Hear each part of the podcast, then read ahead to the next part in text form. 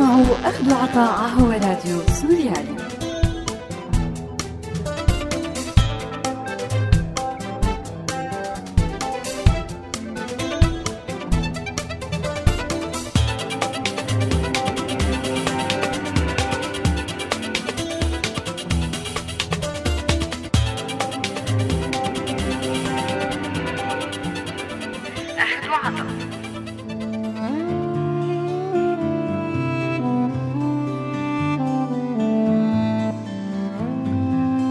أهلا وسهلا فيكم مستمعينا بحلقة جديدة من برنامج أخذ وعطاء. معي أنا رنيم بدل زميلتي مايا على طريق حلا بيمي قطعوا صلاتي قطعوا صلاتي واللي يفرح ويرقص يمي.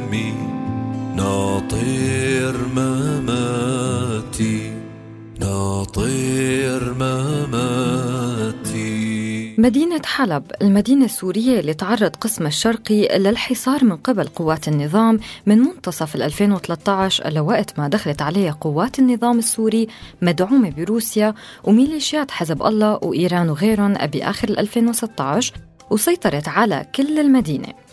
هي الحادثة ما كانت الأولى بالتاريخ. بس كلنا أمل أنها تكون الأخيرة. هذا النوع من الحوادث يلي وصل الاهتمام العالمي فيها لدرجة تجتمع قوى العالمية والإقليمية على طاولة ليكون في حوار فيها بيتعلق بالموضوع وبإمكانية حله.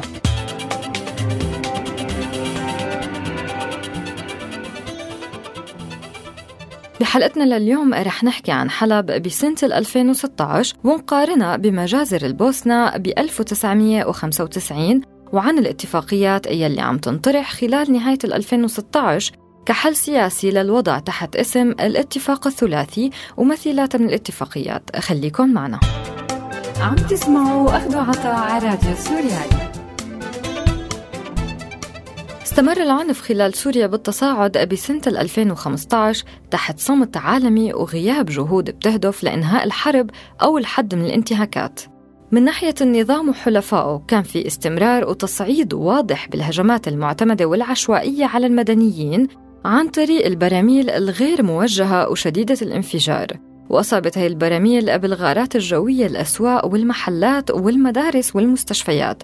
عدا عن الممارسات الثانية مثل السجن والتعذيب والتهجير القسري. ومن ناحية تانية داعش وجبهة النصرة ومثيلاتهم من الفصائل والتنظيمات كانوا مسؤولين عن انتهاكات منهجية واسعة النطاق من استهداف المدنيين وعمليات خطف وتجنيد أطفال وتعذيب.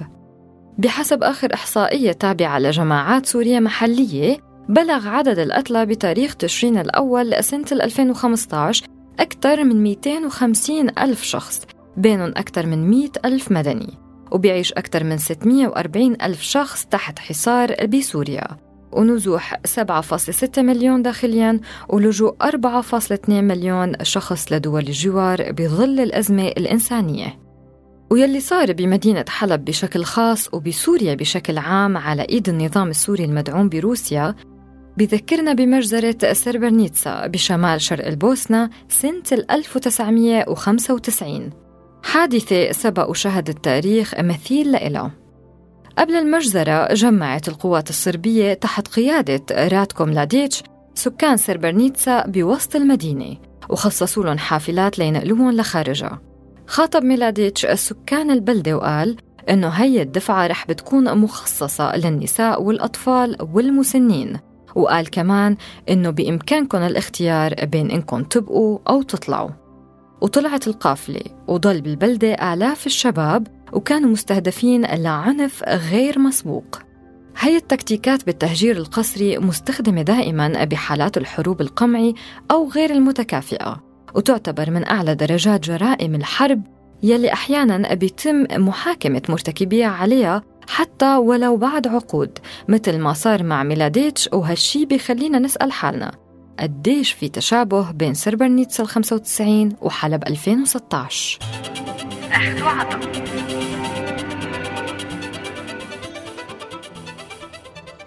وقت تفوت بتفاصيل مجزرة سربرنيتسا منلاقي أنه بوقت سابق للتهجير أكد الجنرال فيليب موريلون قائد قوات حفظ السلام التابعة للأمم المتحدة بهداك الوقت للسكان أنه ما رح يتخلى عنهم.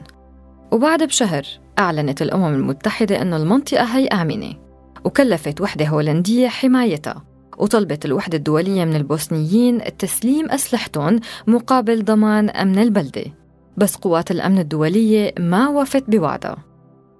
وسلمت يلي لجأوا إلها للقوات الصربية. أما يلي بقي فجرب يهرب عن طريق الغابات بمسيرة سميت مسيرة الموت. واجتاحت القوات الصربية سربرنيتسا وبكم يوم تم قتل حوالي 8000 بوسني أغلبهم من الذكور بعملية تطهير ممنهج. شاركت بوقتها وحدة شبه عسكرية اسمها وحدة العقارب تابعة لوزارة الداخلية. وفقدت البوسنة ثقتها بالمجتمع الدولي. بهديك الفترة أرسل رئيس البوسنة والهرسك علي عزت بيغوفيتش 100 رسالة ل 100 رئيس دولة. لإغاثة البوسنة من جرائم ضد الإنسانية وجرائم إبادة جماعية عم بتصير من الصرب والكروات بحق السكان العزل ويلي ما سمح حتى ليلي بيحملوا السلاح من الدفاع عن أنفسهم. وإجت بعض الإجابات على هي الرسائل كالتالي أمريكا رفضت التدخل وأغمضت عيونها لتثبت عجز الاتحاد الأوروبي عن التسوية. هل هي الرسائل بالنهاية جابت نتيجة؟ وهل كانت مؤثرة لدرجة أنها دفعت حراك مدني لعمل حملات مناصرة لتسليط الضوء على الجرائم يلي كانت عم بتصير؟ هذا الشيء صعب افتراضه لكن يلي بنعرفه أنه القتال وقف آخر شيء ب 21 نوفمبر سنة 1995 مع توقيع اتفاقية دايتون للسلام ويلي تم التوقيع عليها بين رؤساء كل من البوسنة والهرسك علي عزت بيغوفيتش والكرواتي فرانيو توجمان والصربي سلوبودان ميلوزيفيتش. لوقف الحرب بباريس ب 24 ديسمبر 1995 ويلي فينا نفترضه كمان أنه هي الرسائل والحملات قد تكون أحد الأسباب يمكن بمحاكمة ميلاديتش بال 2016 باعتبار تم استخدام توثيق الجرائم لإدانته. وهذا التوثيق ما كان ممكن يصير لولا الحملات يلي سلطت الضوء على الموضوع. هاي الحملات بتشبه كتير من الحملات المدنية المرتبطة بالمدن المنكوبة بمنطقتنا كمان ويلي طلعت للفت نظر صناع القرار للتهجير القسري يلي صار مع صمت كامل للأمم المتحدة ومجلس الأمن وتحت بصرة بعدة مدن سورية منها حمص القديمة والوعر وداريا الهامة وأتسيا وحلب. وبتشبه كمان حملة فك الحصار عن غزة يلي بالنهاية حركت سفن بالبحر الأبيض المتوسط باتجاه غزة تحت اسم أسطول الحرية وعمل ضجة كبيرة عالمية. وغيرهم كمان من الحملات شي كان له أثر على صناع القرار ولفت النظر العالمي وشي لأ. هاي الحملات قد يكون نتيجتها تعاطف عالمي أو ممكن كمان يتم اتخاذ قرارات على مستوى مجلس الأمن بفتح كوريدورات إغاثة أو مثل الحالة السورية ممكن يطلع منها اتفاقات على مستوى الدول المعنية والمتحكمة بالموضوع ويلي عندها تأثير مباشر على الأرض مثل الاتفاق الثلاثي يلي تم بآخر كانون الأول 2016 فاصل ومنرجع لنحكي عن الاتفاق الثلاثي.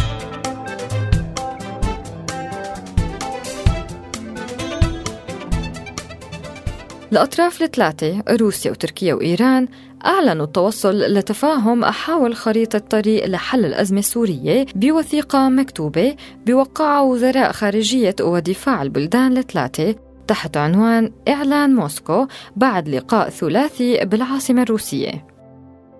بمؤتمر صحفي قال وزير الخارجية الروسية سيرجي لافروف إنه البلدان الثلاثة متفقة على أنه الأولوية بسوريا هي مكافحة الإرهاب وليس إسقاط نظام الرئيس السوري بشار الأسد. أكد لافروف أن البلدان الثلاثة روسيا تركيا وإيران مستعدة للمساعدة بالتوصل لاتفاق بين الحكومة السورية والمعارضة لتسوية الوضع السوري ضمن إجراءات سياسية مع التأكيد على أن هي الدول عازمة على مواصلة محاربة تنظيمي داعش والنصرة أما وزير الخارجية التركية فقال أنه لا بديل عن الحل السياسي للأزمة السورية ووجوب الاعتماد على قرارات الأمم المتحدة لوقف إطلاق النار. وأضاف جاويش أوغلو على أنه وقف إطلاق النار لازم يشمل الميليشيات يلي عم بتقاتل مع النظام السوري بإشارة خصصها لحزب الله كما أنه يجب أن يطبق في كل الأراضي السورية وليس حلب فقط.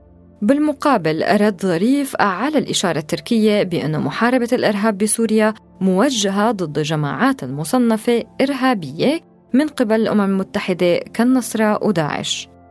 أما وزير الدفاع الروسي سيرجي شويغو فقد أعلن أن خبراء من روسيا وإيران وتركيا عم يشتغلوا على وضع نص إعلان موسكو لتحديد خريطة طريق لإنهاء الأزمة السورية. لافتا إلى أن الولايات المتحدة الأمريكية لا تمتلك أي تأثير فعلي على الميدان السوري. وأهم بنود البيان وقف إطلاق النار بسوريا وإمكانية وصول المساعدات الإنسانية وحرية تنقل السكان المدنيين بالأراضي السورية وعدم وجود حل عسكري للنزاع السوري واعترافها بأهمية دور الأمم المتحدة بتسوية الأزمة بناء على قرار مجلس الأمن الدولي 2254 ويلي نصت أهم بنوده على أنه مجلس الأمن الدولي بذكر بمطالبته الأطراف كافة باتخاذ خطوات ملائمة لحماية المدنيين بما فيهم أبناء المجموعات القومية والدينية والمذهبية وأنه الحل المستدام الوحيد للأزمة السورية من خلال عملية سياسية شاملة بقيادة سورية بتلبي التطلعات المشروعة للشعب السوري. وبيحث كل الأطراف المنخرطة بالعملية السياسية على الالتزام بوحدة سوريا واستقلالها وطابعها غير الطائفي وحماية حقوق السوريين جميعا بغض النظر عن العرق أو الانتماء الديني وضمان وصول المساعدات الإنسانية على امتداد البلاد. وبيشجع على قيام مشاركة ذات معنى للنساء بالعملية السياسية وبيركز على هدف الجمع أوسع طيف ممكن من المعارضة يلي بيختار السوريين ويلي رح تقرر ممثليها للتفاوض. عم تسمعوا أخذوا عطاء على راديو سوريالي. وبعد طرح الحل السياسي هاد اختلفت آراء المعارضين السوريين حوله. فبعض أطراف المعارضة لقت فيه بداية حقيقية للحل السياسي والبعض الآخر شافوا فيه محاولة جديدة لكسب الوقت وتليين موقف المعارضة من دون الاستناد لأرضية حل واضح وجدي.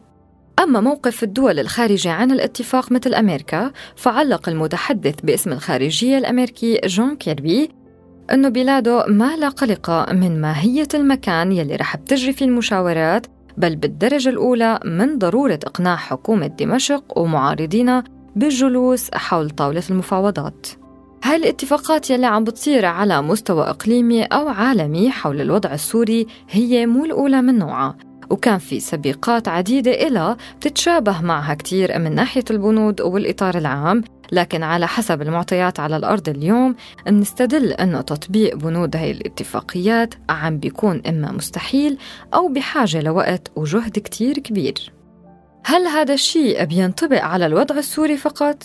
أكيد لا باعتبار كان في كتير اتفاقيات شبيهة من قبل وبمنطقتنا تحديدا بين لبنان عقب الحرب الأهلية وغزة بفترة الانتفاضات والعراق عقب الحرب وغيرها من الاتفاقات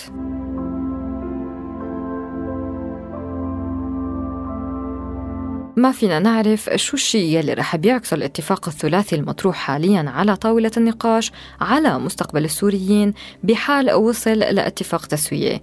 بس يلي يبدو ومن الواضح أنه أي حملة مناصرة ممكن تعمل أثر ورح تلفت النظر ولو بشكل بسيط على أمل الوصول للسلام والعدالة ويلي بيتطلب العمل على نقاط جوهرية أبعد من وقف النزاع أو تجميده. ويلي بتعلق بعضها بوجود حكومة وطنية تاخد على محمل الجد إعادة بناء الإنسان السوري من تعليم وصحة واقتصاد وقيم قادرة على خلق فرصة للترفع عن كل المظالم السابقة والمرافقة للمقتلة السورية. ومانعة من خلق اختناق جديد ممكن يؤدي لانفجار اجتماعي وسياسي جديد مستقبلاً. وهيك بتكون خلصت حلقتنا لليوم. انطرونا للحلقة الجاية من برنامج أخذ وعطا عم تسمعوا أخذ وعطا عهو راديو سوريالي.